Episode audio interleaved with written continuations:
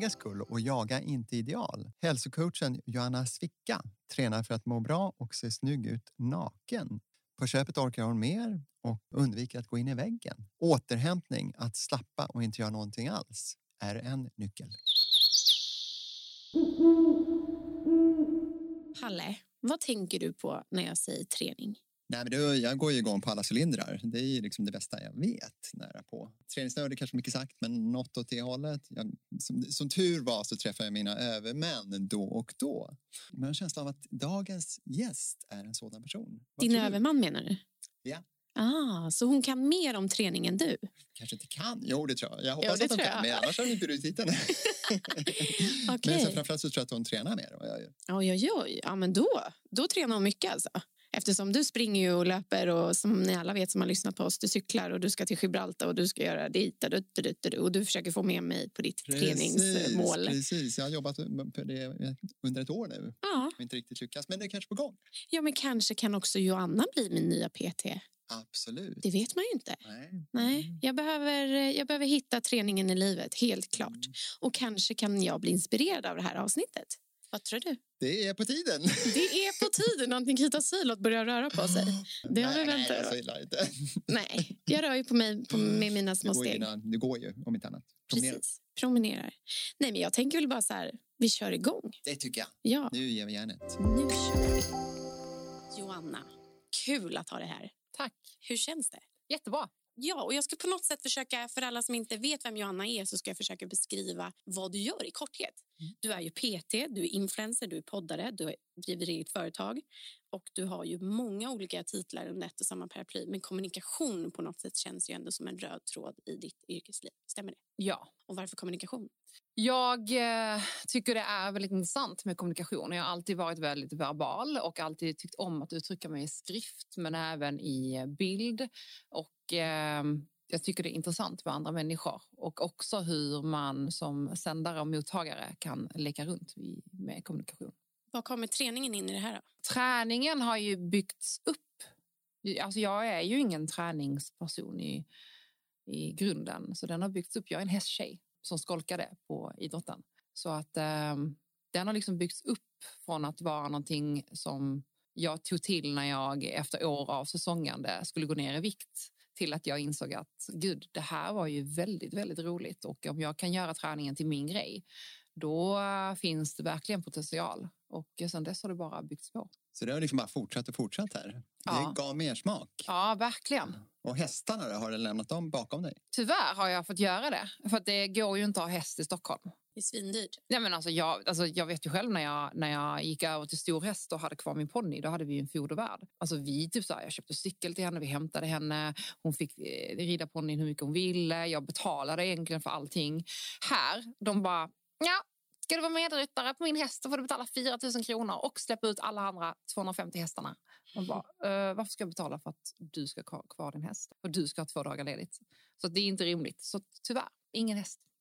Så istället så eh, tar du dig fram för egen maskin Ja. nu kan man säga. Det gör jag. Vad eh, gör du mest när du ska träna? Just nu springer jag mest. Jag. Oj, nu, går Palle igång. Här. Nu har jag, Palle är löpare, maraton, maraton. Jag tänker så här, jag backar och låter er flyta på här. Ja, nej, men just nu springer jag mest. Eh, Jag är, eh, har hållit på väldigt mycket med triathlon och Ironman. Men eh, då situationen är som den är så jag vet inte. Alltså, Alltså, Tänk på att det är inga tävlingar nu. det är inga tävlingar. Jag har ingen lust att vistas i en bassäng. Och liksom så här, jag tappade suget lite. Så att, eh, men sen gillar jag ju löpning väldigt mycket och jag gillar ju styrketräning väldigt mycket. Så nu kör jag det.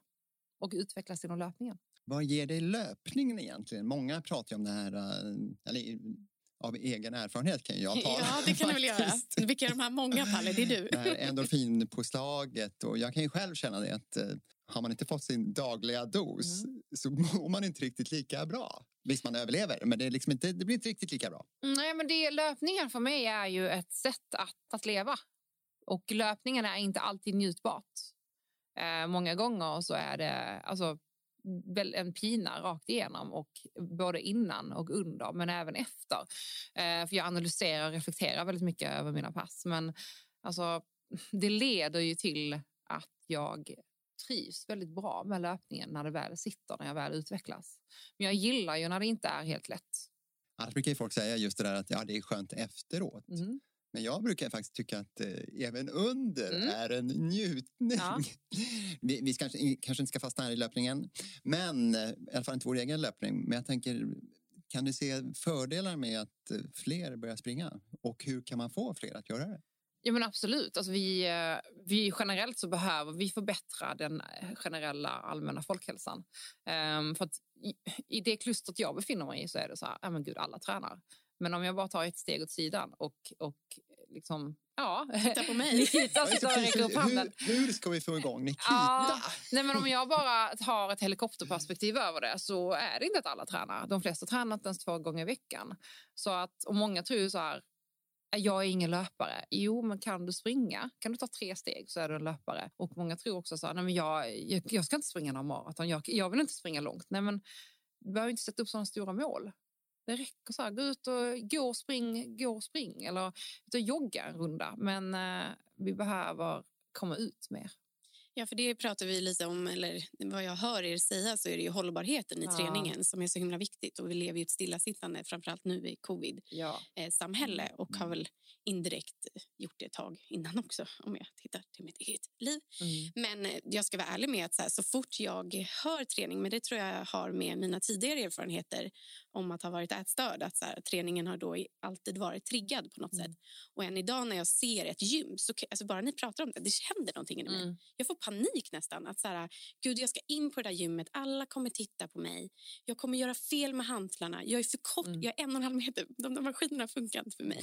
Alltså, det finns så många... Mm. Du vet, så här, Mm. mm, Många hinder. Mm. Ja, men precis. Samtidigt som jag vet att jag sitter ju här med en inflammation i höger arm. Liksom. Jag vet att jag vill ha träningen, men jag har hittills bara hittat promenaderna. Jag Mm. går ju 15 000 steg per dag minst.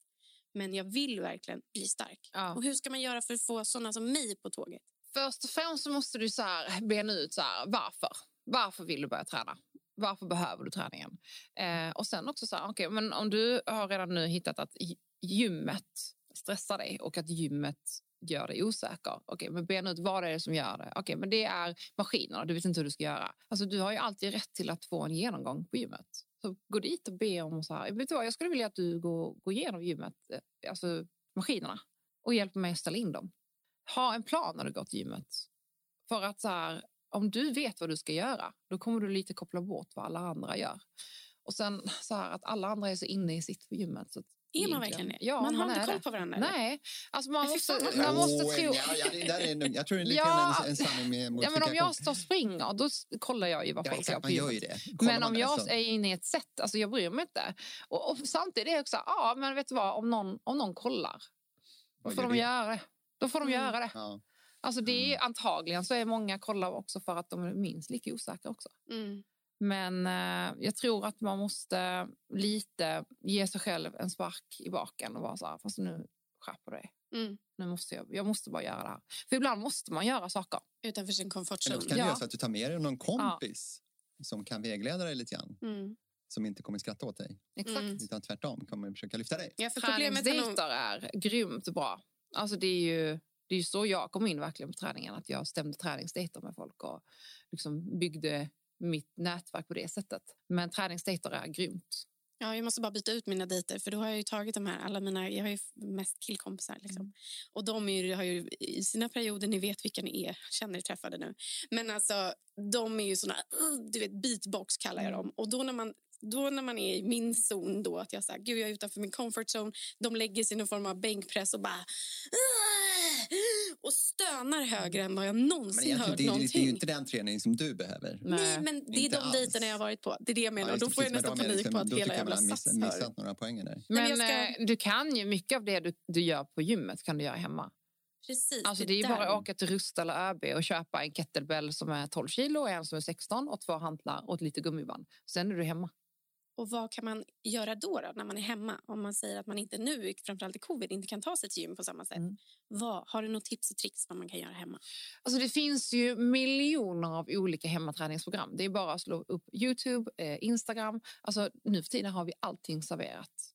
Så det är bara om man bara så här, man tar upp Google och så skriver man in hemmaträning, till exempel ben eller stabilitet eller bål, så kommer det komma upp. Och det är till och med som att man inte ens behöver några redskap. Man kommer ganska långt bara med Ja. sin egen kroppstyngd. Mm. Faktiskt. Mm. Ja, Jag menar, det är inte alla som kan göra armhävningar till Mm. exempel. Och där har man ju bara sin egen kroppstyngd. Mm. Gud vad intressant. Mm. Jag hör ju det här. Jag hör det här mina vänner. Jag hör det. Men jag tänker så här, Johanna, varför tränar du? För att eh, bli en bättre version av mig själv. Vad menar du då? Jag gillar tanken på att jag blir starkare och är stark. Att jag blir snabbare. Eh, jag gillar tanken på att jag klarar av saker. Att jag, om någon ringer mig nu och bara, ska du med och springa en halvmara imorgon? Ja, ska jag. Shit. Det är inga problem. Eh, Jag gillar tanken på att anmäla mig till lopp. Och istället för att tänka, tänk om jag inte klarar av det, så tänker jag istället så okej, hur ska jag göra för att klara av det på allra bästa möjliga sätt? Jag gillar tanken på att ingenting skrämmer mig riktigt. Jag gillar tanken på att jag har kontroll på min kropp och att jag litar på min kropp, att den ställer upp för mig. Ehm, jag gillar tanken på att jag liksom känner mig jävligt snygg. Jag tränar också för att se snygg ut naken. Men Du är lite fåfäng alltså. Låter Gud, ja. här. Absolut. Det är en drivkraft kanske. Ja, nej, men alltså det, är, det är klart att jag är det. jag, jag, visst, jag kan ju Ja. hålla med er lite Ja. där faktiskt. Ja. Ja, men jag tror också att så här, det, så jag blir så imponerad för att jag tycker det är så genuint och ärligt när du säger så. Mm. Att så här, ja, det träningen är för att vara hållbar och jag vill Mm. utmana mig själv och jag vill bli starkare och kunna om Palle ringer Mm. imorgon och bara, "Jo, nu kör vi New York Marathon. Du Mm. bara, visst, jag bokar biljett. Mm. Ehm, men också det där aspekten att du kan stå upp och säga så här, men jag vill vara snygg naken. Ja. Och jag tänker det är ju en självkänsla där Mm. bakom som gör att du kan si- sitta här framför två främlingar Mm. och eh, säga så. Mm. Kan det vara så då att träningen på något sätt också har gett dig en del av självkänslan? Absolut. Ja, gud ja, det har den gjort. För att jag märker ju också att den, den självkänslan och självförtroendet jag får av träningen den tar jag ju med mig in i mötesrum, eh, i förhandlingar, i relationer, eh, i sättet hur jag ser på mig själv, i mitt egna värde. Så att eh, absolut, jag tar ju med den överallt. Så det har liksom blivit en, som en viktig del av din personlighet och Ja. som kan stärka dig. Absolut. Ja. Och det har ju också varit en, en, eh, en frågeställning många gånger jag har haft om, om att jag inte ska låta träningen definiera vem jag är. Att jag inte till slut är min träning.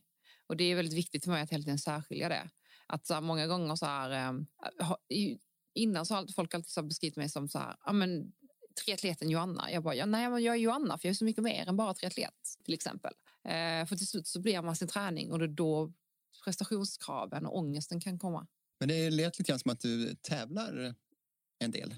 Nej, är det, ja, är det liksom en viktig del av din träning? Så att säga? Har du, sätter du upp mål och sådär? Ja. Du ska springa? Ja, alltså jag älskar ju att träna inför ett mål eller inför en tävling. Sen själva tävlingen, mm, det är inte alltid jag gillar det. Jag gillar liksom momenten innan och efter. Men jag tycker det är väldigt viktigt för mig att ha mål. Är de målen för dig själv? Mm, Så du jämför inte med någon annan? nej, det är Nej. därför jag fortfarande är fruktansvärt irriterad när folk gång på gång skriver att jag ska koppla upp mig på Strava. Vad är Strava? Strava är ett community där du loggar alla dina pass, du ser distanstempo, du kan logga dina rutter om du springer eller cyklar eller vad som helst. Okej. Och jag har gjort mig osynlig där. Mm.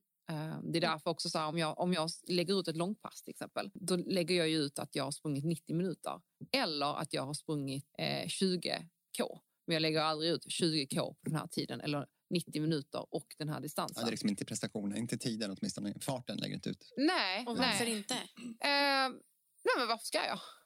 Alltså jag, nej men varför det? För då kanske någon kommer sitta och jämföra sig med mig. Och jag, nej men, det finns, vi har alla olika grundförutsättningar, och alla olika eh, dagsform. Alltså, jag kan ju lägga ut ibland om jag springer tröskelintervaller. Som igår sprang jag 10 gånger en minut i 3.55 fart. Ja, då vet, jag, då vet man det. Men det är, så ibland gör jag det, men inte när jag ska så här, ha distansfart eller långpass eller någonting. Man kan aldrig pussla ihop riktigt allting jag gör, utan tycker det är oviktigt. Mm. Det låter mer som att du vill inspirera till att liksom få träningen in i sitt Mm. liv utifrån sitt eget Mm. perspektiv eller sin plattform om man säger så, Mm. Eh, min grund så, eh, än att folk ska börja triggas av dig och tävla mot dig. Ja. Mm. ja, för det är också tröttsamt för jag får ju också höra så här, oj jag trodde du var snabbare. Va? Ja. Vart de besvikna? Ja, att jag inte är snabbare. Du, du som tränar så mycket, du borde ju vara snabbare. Jag borde ingenting.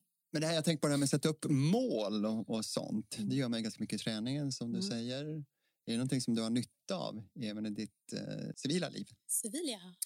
Alltså träningen har ju gjort mig lite mer tävlingsinriktad privat.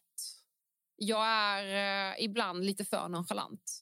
Alltså jag, jag, jag driver eget. Jag tycker det är fantastiskt roligt. Men jag är inte driven av att tjäna miljoner och jag är inte driven av att bli någon mäktig, mäktigaste kvinna. Jag är mer så här, jag kan bli ganska nöjd och vara så här, ja ja. Och träningen har gjort mig att jag ibland kan lägga in den lilla extra växeln och göra saker lite bättre. Eh, och det är väldigt bra för mig. För annars är jag, kan jag bli ganska nonchalant. Det är som när, om någon ska utmana mig och tävla och göra någonting bättre. Då är jag så okej, okay, ja, varsågod. Du kan till och med få lite försprång så ses vi där framme sen. Mm. Jag orkar liksom inte. Och det, träningen har gjort mig lite bättre på det. Att jag ibland kan så här, tända till lite bättre. Och det, det är bra. Men det innebär alltså att du har, man kan säga att du har nytta av din träning i ditt vanliga liv? Ja, så att säga. Liksom verkligen. Man, ja, ja, absolut. Dels då att man orkar mer förstås. Ja genom att ha en bättre styrketagningsförmåga mm. och bättre muskulär styrka. Mm. Men även mentalt. Men, ja. ja, och framför allt att, så här, att orka med dagar där du har väldigt mycket. När du vaknar och du vet att så här, okay, den här dagen kommer att sluta 22.00. Jag vet om att jag har liksom en stamina som pallar det. Att jag, är så här, jag kan balansera flera olika projekt. Jag kan sitta och fakturera samtidigt som jag sitter i telefon samtidigt som jag gör någonting annat. Jag klarar av väldigt mycket och jag, jag har liksom en uthållighet i det. Och det är väl det också som har hjälpt mig att eh, till exempel inte gå in i väggen. Att så här, även om jag har balanserat på den så här berömda gränsen så har jag någonstans så här verkligen vetat vad vila och återhämtning är för att jag vet hur jäkla viktigt det är i min träning och att jag inte går sönder i min träning. Så varför ska jag då gå sönder i mitt vanliga liv så att säga? Gud vad många behövde höra den där meningen. Var hittar du återhämtningen? Ja, alltså jag är ju ett stort fan av att kolla på serier. Jag har inga problem att ligga en hel dag och kolla på serier. Du, just det, precis. Vi kan vi återkoppla till Claes Fallberg här tidigare. Ja. Drälla. Ja, fy fan vad gött det här. Ja. Oh, det är så nice. Man bara vaknar sent, man går upp och äter sen frukost och sen så gör man sig i ordning och så kanske man går och tar en vinlunch och så går man runt och dräller på stan och så går man hem och så äter man en lång middag, kanske har lite serier och dricker lite vin. Det är så jäkla trevligt. Hur ofta unnar du det? Ja, så ofta jag kan. Alltså väldigt ofta. Nu är jag inte så ofta med tanke på pandemin. Nu kan jag inte sitta och långluncha. Men innan pandemin, alltså vi hade ju vinluncher minst en, två gånger i månaden. Där vi bara så här, en lördag bara satt och brunchade hur länge som helst. Älskar det. Jag älskar kontrasterna. Samtidigt som jag sa en lördagsmorgon vaknar sju och driver av 25 kilometer. Men då gör jag ju allt det här med vinet efter. Då kommer jag lite senare till brunchen. Och Det är ju otroligt också mm. inspirerande att så här, det behöver inte vara antingen eller. Nej. För Det är väldigt många som är träningsprofiler där ute som ja. visar upp till olika människor eh, som också bara är så här, träningen är allt ja. och då måste jag välja bort vinet för vinet ja. är inte i kostcirkeln. Eh, och då har de förlorat mig. så, Men jag tror, också, här, jag tror må många människor som tränar väldigt mycket gör vilan gör sina vilodagar till en sån jäkla stor grej. Alltså de lägger in så här, okej, okay, Alltså de, dels att de alltid ska prata om sina vilodagar. Precis som att det var så här, nej, men nu ska jag ha vilodag. Man bara, okay, men om du tar en vilodag, ta bara en jävla vilodag utan att prata om det. Och göra till ja, jag tränar egentligen jättemycket, men alltså, så nu har jag egentligen vilodag, men alltså, jag tränar egentligen jättemycket. Man bara, ja, du får lite dåligt samvete? Ja, och jag var som fan, det är som, så här, det är som när, folk kommer, när, när det kommer in fika. Mm. Och så ska någon ta en fika. Och så bara, oh, gud, alltså, oh, jag ska ta den här fikan, men egentligen, jag borde egentligen. Om du säger så, då ska du inte ha någon jävla fika. Då, då har du käften och gå hem. Mm. Jag blir så irriterad. För kan du inte, ska du hålla på att träna mycket, då ska du även klara av att ta vila. Det, det går liksom inte annars. Du satte det verkligen i perspektiv där när du gjorde det där med bullarna, eller vad man ska säga, fikat vs träningen. Att så här, man behöver inte dividera om det, gör det bara. Ja. Eller gör det inte. Ja. Det låter lite så. Jag har liksom vilodag idag, men det är inte som att jag basunerar ut det på mina... Okej okay, hörni, alltså, nu kommer ni inte se någon träning i mina sociala medier för att jag har faktiskt vila. Men jag tränade faktiskt igår och jag kommer att träna imorgon. Folk vet vad du gör. Va? Och resten ja. av veckan. Ja, nej, men alltså, vet. Nej, men alltså, nej. Nej, nej, nej. Men jag tänker ändå, för det, det går ju naturligt över när vi pratar om vila. Du hade ju en digital vila i somras. Mm en digital paus. Mm. Eftersom du är influencer och sociala medier är ju din största kanal kan man säga indirekt. Eh, ja. Du har ju podd också som också är stor, men det är ju Instagram där mm. folk följer dig mest. Mm. Eh, varför? Varför den digitala pausen? För jag var och spelade in Robinson. Va? Nu hörde jag faktiskt inte vad du sa där. jag var och spelade in Robinson. Jaha! Oh my god, vilken cliffhanger! Ja, ni är de första eh, som får reda på det. Därför jag frågade innan Oj. när det här sänds. Oj, oj, oj. Ja, men det här var ju verkligen en... eh, Ja, ja. så att jag får Oh gå ut med det på God. tisdag. Men gud, då måste jag bara sortera ut mitt eget skrik. så det, var, det kom verkligen spontant. Men gud, Ja, okej. nej, men det precis det där, men det är ju ett ganska spännande program. Mm, Och, det är eh, det. Med många utmaningar. Vilken Mm. utmaning tror du blir den största? Nej, men jag eh, vet ju redan vilka som var min största utmaning och det var tristessen. Mm, Ja. okej. Vad är det som är jobbigt för dig när du är i tristess? Men du gör ju ingenting. Jag gjorde inget produktivt överhuvudtaget. Jag satt bara på en jävla ö och jag åt ingenting. Gick inte att träna där? Nej, du hör, det orkar ju inte. Nej, precis. Man orkar inte. Nej, jag orkar Hur var det att vara utan mat? Eller liksom- Mat är rätt lugnt, så här. men eh, nej, alltså, jag tyckte bara det var så jävla tråkigt. Jag- jag- Tro mig, jag sätter mig inte på den där ön. Men... Det, ja. men eh, nej, så det var... Och så här, till slut så blev man ganska less på så här, socialt spel. Mm. På att man måste hela tiden, att någon flåsar en i nacken. Att man måste hela tiden tänka framåt och vänster och höger. Och, alltså, Vad var det roligaste? nej men det roligaste var ju tävlingarna. Det var jäkligt roligt. Och sen... Eh, alltså det, det, det var ju jäkligt häftigt att vara i Haparandas skärgård. Ah, Ja, just det. Det, var det är Haparanda Sverige. Mm. Gud vad ja. jag... Ja. Mm. Mm. Jag Det längtar var så jäkligt mycket. häftigt. Jag hade ju faktiskt en digital detox på ett sätt. Ja, det, absolut, du var ju på en ö. Öde Ja. typ, Ja. indirekt. Så att, och jag fick ju inte ha min telefon och ingenting. Den tog de ju. Hur var det då? Telefonen är ju en del av ditt Ja. arbete. Det är din högra hand. Ja, men liksom. det, jag blev förvånad. Jag saknar inte den överhuvudtaget. Först så, så, så här, jag satt ju i karantän eh, rätt länge i Haparanda. Och då tog de ju redan det. För att vi inte så här, redan där skulle vi kapslas in i någon bubbla. Mm. Så jag fick ju sitta på ett rum i en vecka utan att gå ut, utan, utan någonting. Eh, ingen telefon, Jag ingenting. kan bara säga att tristessen startade redan där. Nej men alltså, det var hemskt. Jag Och jag märkte hur jag blev... ehm, Eh, jag vill inte säga aggressiv, det blev jag inte, men jag blev väldigt så här... Frustrerad. Ja, och väldigt bitter nästan. Alltså jag blev fruktansvärt frustrerad blev jag, av att bara sitta och inte göra någonting. Ehm, men då, så då var jag så här, fan jag vill ha min telefon. Men så fort jag, alltså jag kom på så här, några veckor in i programmet, jag bara, nej, alltså gud, jag har inte reflekterat över min telefon överhuvudtaget. Tror du fler behöver såna där digitala detox? Ja, men folk, folk tar sig själva på alldeles för stort allvar. De tror ju att världen går under om inte de uppdaterar eller svarar på telefon eller svarar på ett jobbmail. Man bara så här, "Fast du är inte så viktig. Nu är det ju så att alla, alla är ju inte med i Robinson. Nej. Men eh, om man liksom vill tjäna på det här, vad är ditt tips? Hur kan man göra liksom för att få den här digitala detoxen? Eh, Ja, men då åker du ut i skogen med ett tält och så lämnar du telefonen hemma och så tältar du. Det kliar i mina fingrar nu. Så. Alltså, det kliar. Det Hur, lä- hur kliar. länge bör det pågå? Eh, sin digital detox, Ja. alltså minst, mi- alltså minst fem dagar. Oj. Och då får man Minst. alltså inte ringa någon heller? Nej, du får inte ha din telefon överhuvudtaget. Nej. Nej. Alltså, det kliar till och med i håret Mm. nu. Ja, men jag fattar. Jag vet ju Mm. att jag behöver det. Mm. Definitivt. Jag Men också, också om man vill börja, om man vill börja smått. Eh, så det är så jag stänger alltid av min telefon när jag går och lägger mig. Ja, det är jag också. Ja. Alltså alltid. För jag är så här, jag vill inte bli nådd när jag sover. Och så är det kanske någon som bara, "Ja, men tänk så händer någonting i familjemedlem. Men jag bara, ja men då är det så. Men jag sover och börjar stretcha det att redan så här klockan nio, klockan åtta, klockan sju, klockan sex lägga ifrån sig telefonen. Vissa har ju så här att de lägger ifrån telefonen från då fredag kväll och så tar de upp den igen måndag morgon. Åh, gud. Så det kan man göra.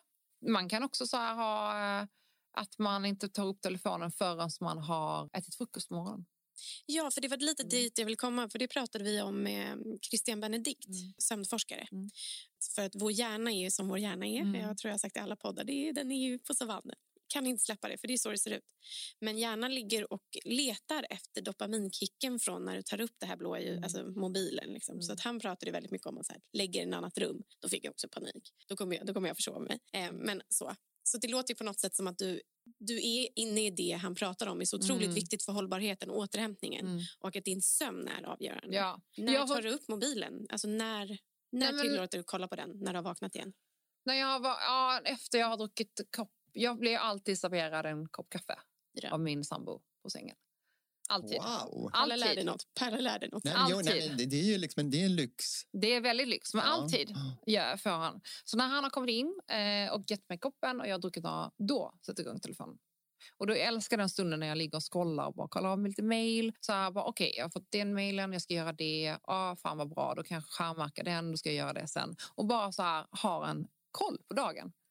Det låter ju på något sätt som att det hjälper dig att sortera. Ja. För att när man är uppe i allt det här och också digitaliseringen Ja. men också all stress och sen ska du hinna träna och sen Ja. ska du vara perfekt naken och sen ska du vara så här, man drunknar ju. Exakt. Men då låter det på något sätt som att dina de här vilostunder eller återhämtningen men också vad du gör med mobilen får dig att då lättare vakna där efter din kopp, sortera ut. Mm. Medan när man är inne i stormen så blir det så svårt. Men det där var ju ett magiskt knep Mm. för alla Det är lyssnare. jättehärligt. Hur är du Palle? Lägger du, vad gör du med din mobil på natten? Nej, men den är förstås avstängd. Men, helt, Något annat skulle inte fungera tycker jag. men Nej. hur är Jag, den det avstängd? skulle vara det värsta jag visste om Mm. det liksom började pipa mitt i natten. Men går Och det mobilen händer ju till exempel att min sambos, hon kan glömma bort ibland att eh, stänga av telefonen. Sen så mitt i natten hör man det där pip. Ja, jag, alltså, Hur irriterande tappar som helst. Jag tappar det. Jag blir, sånt kan göra mig riktigt irriterad. Ja. Alltså min kille, när vi började träffas, han snosade. Och Ja. jag är så här, bara folk utan karaktär snosar. Och då sa jag bara, alltså, om du fortsätter snosa, då finns det inget förhållande kvar. Oj. Mm. Så han slutar snosa och går upp. Och hur går den? Ja, just det, Då, ja, precis, man går upp direkt ja. Ja, ja. eller vakna, ligg kvar. Du behöver inte gå upp, men liksom, sluta snosa. får man ställa flera larm då? Nej, Nej, oj. Nej. ett larm. Men jag- det här handlar ju om karaktär. Nej, ska men jag alltså säga. karaktär. Nej, men alltså, jag man, somnar är man om. svag i köttet så är man. Men om man somnar om, då är ju hela min dag förstörd. Eller då har Men, jag ju då, men sovit över. tillåter inte oss Nej, nej, precis. Det ska liksom aldrig behöva gå så långt. Nej. Nej, okej. Jag ska bara... Ja, du hör att det är lite... Ja, men gud, ja, jag vet ju att det här är ett, lag, det här är ett lager, höll jag på att säga. Mm. Det är, jag är andra sidan på Robinson. Ni är det blå Ja. laget, jag är det gröna Ja. eller vad man nu är. Ja, men gud vad intressant. Nej, men sen är det faktiskt också att jag kan ju bara berätta det. Det kan vara intressant kanske att veta. För för att jag ska liksom vakna ordentligt på morgonen och liksom känna att nu är jag redo för en ny dag. Mm. Först har jag fått det där kaffet på sängen förstås. Får du också kaffe på sängen? Nej, jag får ta det själv. Ah. Ja, och, Jag bara, eh, får- hur, vad hittar ni i era ja, partners? men även några sådär. Sen i alla fall så sätter jag på hög musik och går ut i trädgården. Har med mig en liten eh, matta Mm. och kör min, mitt eh, morgonprogram Mm. på en eh, sex sju minuter kanske. Ingen, ingen tidsspillan. Mm. Men sen efter det så är känns det ju toppen. Man, känner, man blir lycklig. Mm. Ja. ja, men så får jag göra morgonträning. Jag brukar oftast träna på morgonen. Ja. Älskar det. Men gud, jag blir så inspirerad av er båda två. Alltså, ni håller på att få över mig på ert vad var det, blåa laget. Alltså, jag hör ju det. Mm. Ja, det, det, det, det, Alltså om du inte... Nu är det viktigt att du så här, följer det här, annars kommer jag rösta ut dig. Ja, just det. Mm. Gud, ja, jag vill ju inte bli utröstad. Nej. Nej, nej, nej. Ja, men verkligen. Jag, eh, handen på hjärtat, jag tänker vara helt ärlig nu. När jag vaknar, nu har jag ju på något sätt tydligen ner inflammationen, men jag vaknar i ottan. Mm. Nikita Seilot är en nattmänniska. Därför har morgonmänniskor överlevt på Mm. savannen. Återigen. Men det har liksom brutit nu. Nu vaknar jag mig själv 06.02. Mm. Och jag bara, vem är den här människan? utan klocka alltså. Utan klocka. Mm. Hör ni? Mm. Och också då ser jag så här, jaha, är det så här soluppgången ser ut? Alltså så här. Och gud, och då tar jag en liten kopp te ner i soffan och så tänker jag så här, jag får inte titta på kan- eller sociala medier, men det kan hända att jag glider dit ändå. Men jag förstår att under den tiden skulle jag kunna tränga in en liten Joanna-träning eller Ja. Palle-träning. Och ja, det, jag kanske inte behöver bli utröstad. Nej. Men det ser väldigt du, olika får, ut. du får en ny chans. Mm. Jag får en ny chans, tack. Jag hamnar på någon annan ö så får jag bara leva på mina egna Du får simma tillbaka. Jag simmar Mm. tillbaka.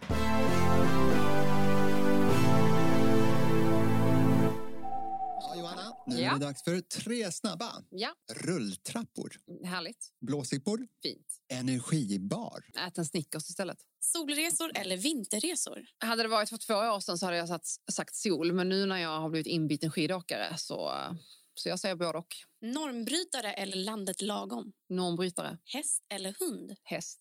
Det var en liten tvekan där såg jag. Ja, men jag vill ju ha en hund. Kan det vara lättare i Stockholm än nu? Ja, men jag kan inte för jag är tillsammans med en allergiker. Typiskt. Jag Ja. kan skaffa en för jag vill också ha en. Mm. Så kan du komma och gästa. Mm. Ja. Nej, men vi har en plan. Mm. Berätta inte det här för Palle. Eller Palle, du är inte min man. Man kan tro det. Vi berättar inte det här för NK. Ja, men vi var inne lite där och rörde vid det. Och Du sa att du också tränar för att se bra ut Mm. naken. Mm. Och Det är ju fantastiskt, tycker jag. Men om vi går liksom till vad träning kan göra när det kommer till ideal. Mm. Vad har du att säga där? Ja, men först och främst, så här, vad är ideal? Och vem har skapat de här idealen? Var kommer ideal ifrån? Och vad är det för ideal man eftersträvar? Alltså man ska ha klart för sig de där frågorna först. Du menar att du ställer dig själv de frågorna? Ja. För jag tänker, vi har ju ett smalhetsideal Ja. i Sverige och vi har ett numera, det börjar ju bli kroppspositivism, Mm. alltså så, det är love it, men sen så har det också blivit en gren i så här, nu finns det träningsideal också. Mm. Vad skulle du vilja säga till den personen som har på något sätt fastnat i idealsvängen? Jag hade bara, jag vill fråga den här personen så här, mår du verkligen bra av att träna efter andras ideal? Istället för att träna efter vad du själv vill. Det är så jäkligt tråkigt att eh, efter, hela tiden eftersträva vad andra vill ha. Men blir man inte alltid lite påverkad ändå? Utav Klart- den, ja, klart det man blir påverkad.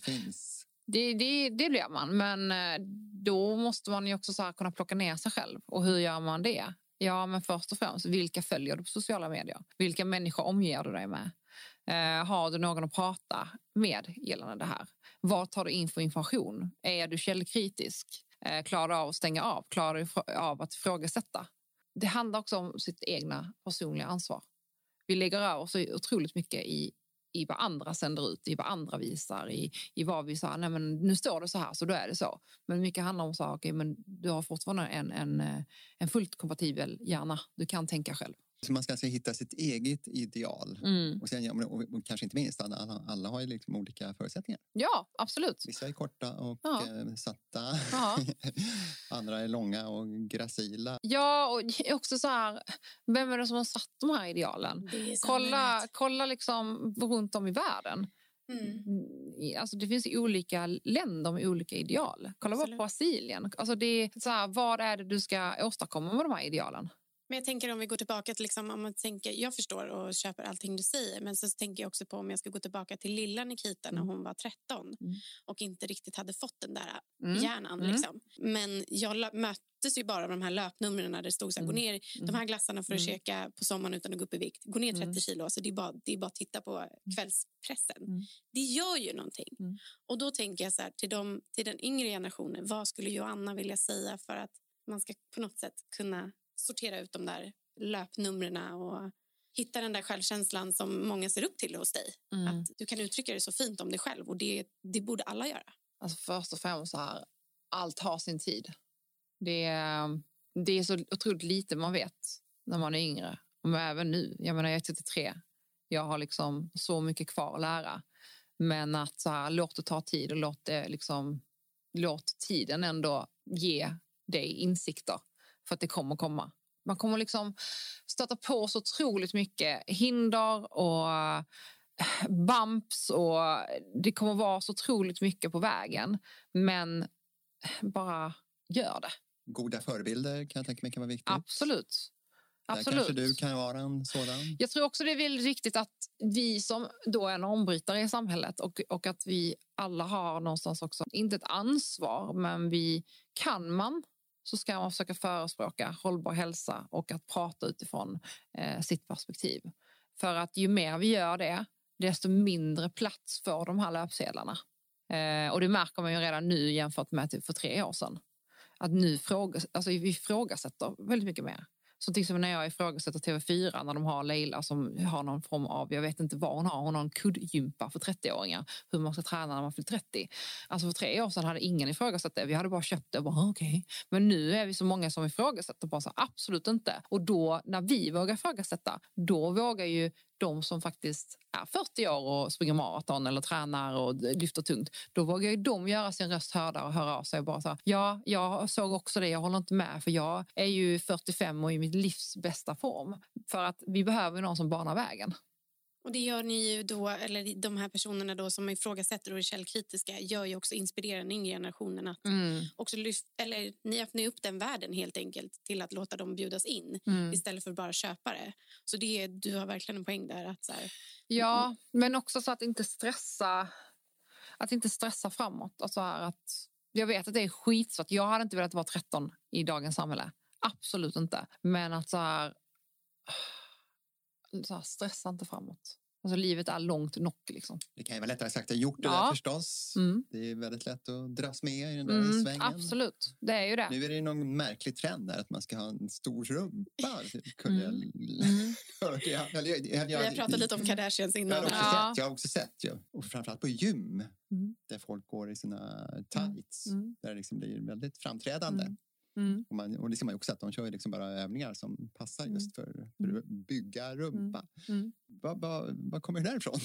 Ja, alltså det, är ju ett, eh, det är ju ett ideal som har vuxit fram med, med takt med sociala medier och alltså nya, nya ideal helt enkelt. Innan var det att man skulle ha, vara väldigt smal. Alltså det kommer ju olika cykler. Alltså på 90-talet var Harry en eh, chic till exempel. Kate Moss, man skulle vara pinsmal. Du skulle se utmärglad och alltså Ja, men som att du gick på droger. Mm. Sen så kom det med stora muskler. Det, var, alltså det, är- det är liksom olika eror hela tiden. Nu handlar det väldigt mycket om, alltså, även om det har blivit mycket mer att vi är positiva på kroppen, att vi eh, har former, så är det just det här att Kardashian-rumpan fortfarande... Ja, Kardashian-rumpan är ju liksom poppis.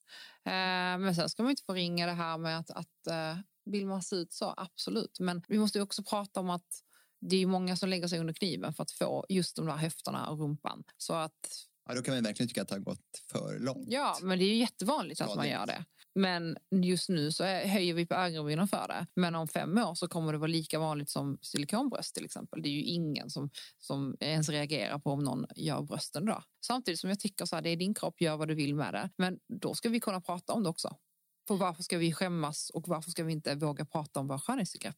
Men sen kan det väl också vara så att man, man... Det känns på något sätt som att det finns en norm också att man inte kan få berätta att så här, jo men jag vill träna för att jag vill bli smal eh, av den anledningen att eh, jag kan ju bara gå till mig själv. Jag har PCOS har jag fått reda på och då förklarar varför jag gått upp i vikt så enormt mycket men aldrig förstått Mm. hur jag ska hantera det. Och då är min drivkraft nu att så här, nu jävlar namn ska jag vinna över den. Mm. Men det blir varje gång när man bara så här, jag vill träna för att bli smal och också för att mina organ ska må bra. Mm. Men så fort jag säger det så blir det att så här, nej men du är så vacker. Alltså det, Mm. Förstår ni, det blir ju... Ja. Ja. Alltså, först och främst så måste vi våga tra- eh, prata om vikt. Vi måste bli bättre på att prata om vikt och att, eh, att, vi, att det är okej att, att träna för att gå ner i vikt. För att många behöver det helt enkelt, just av rena hälsoskäl. Och det ska inte vara tabubelagt och det ska heller inte vara någonting som att man nästan blir skammad för att säga att man vill gå ner i vikt. Så vi måste bli bättre på det. Hur ska vi bli bättre då? Prata om det helt enkelt. Ta Mm. upp det. Sluta förklä att man vill gå ner i vikt i att, att så här, nej men jag vill må bra. Absolut, men vad, vad, vad kommer få dig att må bra? Det är jättebra om du vill träna för att du ska må bra och du vill orka med och vill vara en bättre mamma eller partner. Absolut. Det är ju otroligt bra drivkrafter och ett bra varför. Men är det så att du behöver gå ner i vikt eh, och vill ha det som en av drivkrafterna till att, till att börja träna, våga kommunicera det också. Gör du det med dina kunder? Alltså PT som använder dig som PT? Mm. Får du höra mycket kring det här? Behöver du liksom coacha kring de här samtalen? Ja, många, många när de kontaktar mig förklarar just det. De vågar inte riktigt säga det, men sen kryper det fram. Så att många kan jag så nästan läsa under, mellan raderna. Jag bara, okej. Men alltså andra är väldigt så här, okej, jag, jag har liksom 15 kilos övervikt. Jag behöver göra någonting för att jag vill leva när mina barn blir äldre. Eh, okej, bra, men då vet vi. Då har vi ett konkret mål. Då gör vi det här. Hur gör vi det här långsiktigt? Hur gör vi det här hållbart? Eh, men de måste ju vara ärliga med mig. Precis, ja, du använder ju begreppet hållbar Mm. hälsa. Mm. Då ser man Mm. helheten. Mm. Det är liksom inte bara fysisk, Mm. fysisk aktivitet Mm. utan det handlar om eh, livsstil överhuvudtaget och kanske inte minst med maten. Går in där också? Ja, allting du gör egentligen. Alltså allt ifrån att, eh, hur din stressnivå är, hur du äter, din träning, också vilka relationer du har, hur du väljer att leva ditt liv. Det, har ju på, det, alltså det påverkar ju din hälsa och hållbarhet. Så att allting måste någonstans balansera. Allt hänger ihop där. Ja. Man kan liksom inte släppa något. Nej, och även om det är så att du under vissa perioder släpper någonting, ja då, då är det så. Då ska vi inte alltså, ta det med ro. Vi tror ju oftast att så, här, okay, nu har jag inte tränat på en vecka, nu är allt förstört. Nej, det är oftast är den veckan det bästa du har gjort det här året för att du har verkligen haft tid att återhämta dig. Vad, vad händer med dig då, Palle, när hon säger det? Jag Har blir du, lite spattig sådär, jag blir Ja. rastlös. Mm. Men det verkar som du inte blir det. Det känns som att du har ett ganska stort lugn inom dig. Ja, alltså ja, jag, eh, jag tror faktiskt det. Jag har, eh, jag har liksom vuxit fram. Men eh, ja, jag orkar liksom inte, orkar inte hetsa upp mig längre. Gud vad skönt, du kommit till den insikten. Ja, jag, jag Mm. liksom, nej, fan, jag pallar inte. Nej, verkligen. Det är ju hållbarhet. Mm. Personlig hållbarhet i ett citat. Mm. Men jag kan inte undvika, vi har ju pratat om så mycket med ideal och hållbarhet och eh, träning och löpning och gud vet allt. Men det finns ju också en annan sida av dig som du nämner lite förbifarten. Du driver ju eget Mm. och eh, jobbar med kommunikation. Mm. Men sen så har ju du tillsammans med Louise, en annan fantastisk kvinna, startat, vad ska man kalla det? Är det en rörelse eller? Ni har startat Friendcation. Mm. Kan du förklara för alla, både här i rummet men också utanför våra lyssnare, vad är Friendcation och varför startade ni det? Friendcation är en mötesplats på Facebook där vi tar möten digitalt IRL. Så att vi arrangerar eh, resor, event i olika skepnader och i olika miljöer och eh, berör olika ämnen för människor som vill ta det här digitala mötet i verkliga livet. Och framförallt för kvinnor som vill träffa nya bekantskaper och utmana sig och gå utanför sin comfort zone. Det där låter ju jättespännande. Ja, Så man åker iväg ett gäng Mm. utan att känna varandra. Ja. Lite som Robinson. Nej, Ja, det, det är definitivt som Robinson, fast mildare. ja, ja, precis. Man, Format. man, Ja. ja, precis, man, och man kanske liksom inte väljer bort folk heller. Sådär, utan, Nej, och du, du gillar ju generellt människorna du åker iväg med på. Så att, eh, ja. Men det är ju verkligen så här, det är främlingar som möts och eh, ja, också kan jag tänka, det finns också en underton för det ni har skapat den här plattformen för kvinnor över hela Sverige. Mm. Men också skapas det så magiska saker i det Mm. rummet, att det knyts kontakter, man blir inspirerad, man, man kanske börjar starta ett företag med någon helt Mm. plötsligt för att Mm. ni har tagit en glühwein i en backe eller Mm. det kommer upp djupa saker, att man kan hitta liksom en gemensam nämnare. Så här, "Ha, du har också samma familjeproblem. Alltså det, det är så mycket mer än bara den där, det där mötet. Helt enkelt. men de som väljer att åka med på sådana här resor, då, är det, eh, är det något speciellt? Har man, har man någon gemensam nämnare? det vet man inte. Nej, det vet man inte. Nej, utan det kan bara visa sig. Det kan vara vem som helst. Ja, okay. Det kan vara, det kan vara allt från 20 till 55 eller Hur- äldre. Alltså det, det har ju Vad brukar- verkligen varit Vad brukar hända i de här grupperna? Alltså det som är är ju att vi, det blir väldigt snabbt väldigt djupa samtal. Man öppnar upp sig på ett annat sätt. För att jag tror att ibland så har du en spärr på att öppna upp dig med nära vänner. Och eh, jag tror att det är lättare ibland att öppna upp sig med folk som inte känner dig sen innan. Ja, ja, man liksom Mm. fastnar i sina roller. Mm. Ja, Mm. för det kan ju jag känna. Vi är ju 40, 20 personer, personer som Mm. träffas eh, ganska regelbundet Mm. och åker på resor tillsammans. Och det blir ju att man eh, gärna går in i gamla Ja. roller Ja. och att man inte på det sättet utvecklas. Det är det jag måste erkänna. Jag har varit på två eller tre av Mm. eh, Friendcation-resor. Anledningen till att jag åkte på den första resan var av den helt enkla anledningen av att jag var så jävla trött på att mina gamla vänner satte mig in i en roll som jag inte Mm. var nöjd med. Och vad jag än gjorde, hur jag mycket jag än försökte bevisa att så här, det här är inte Nikita.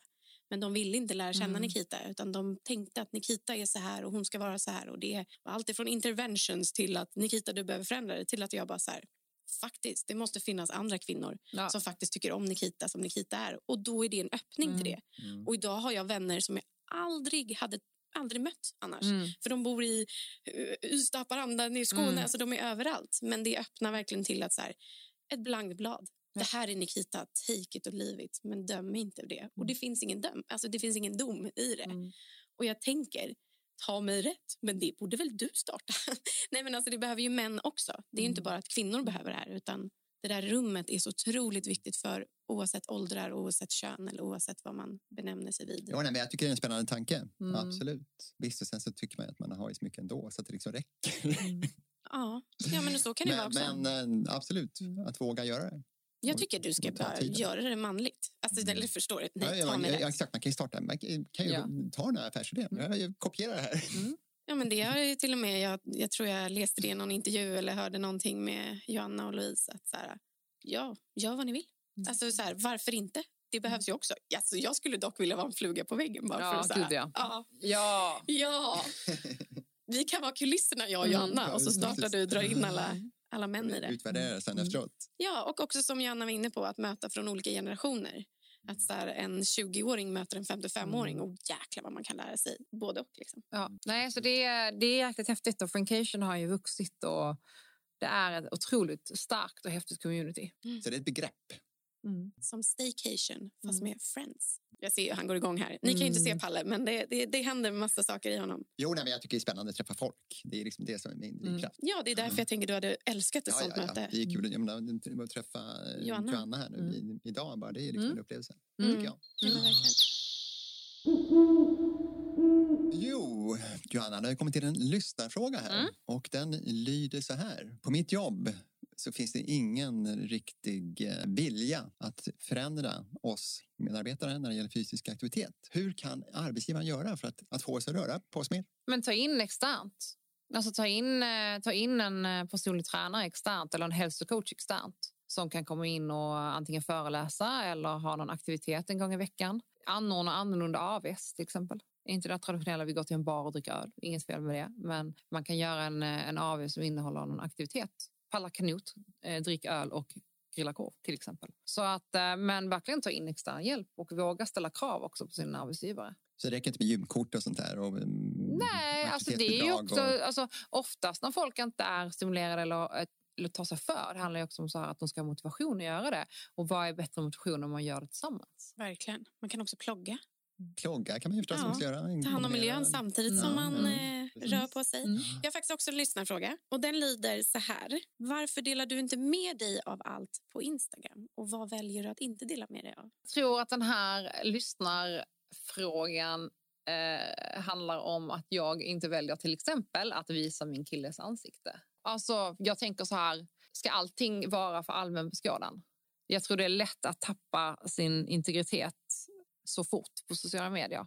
Eh, och jag tycker, det är lite, jag tycker det är lite härligt att inte dela med sig av allt, att folk inte vet allt och framför allt att folk inte har sett min kille.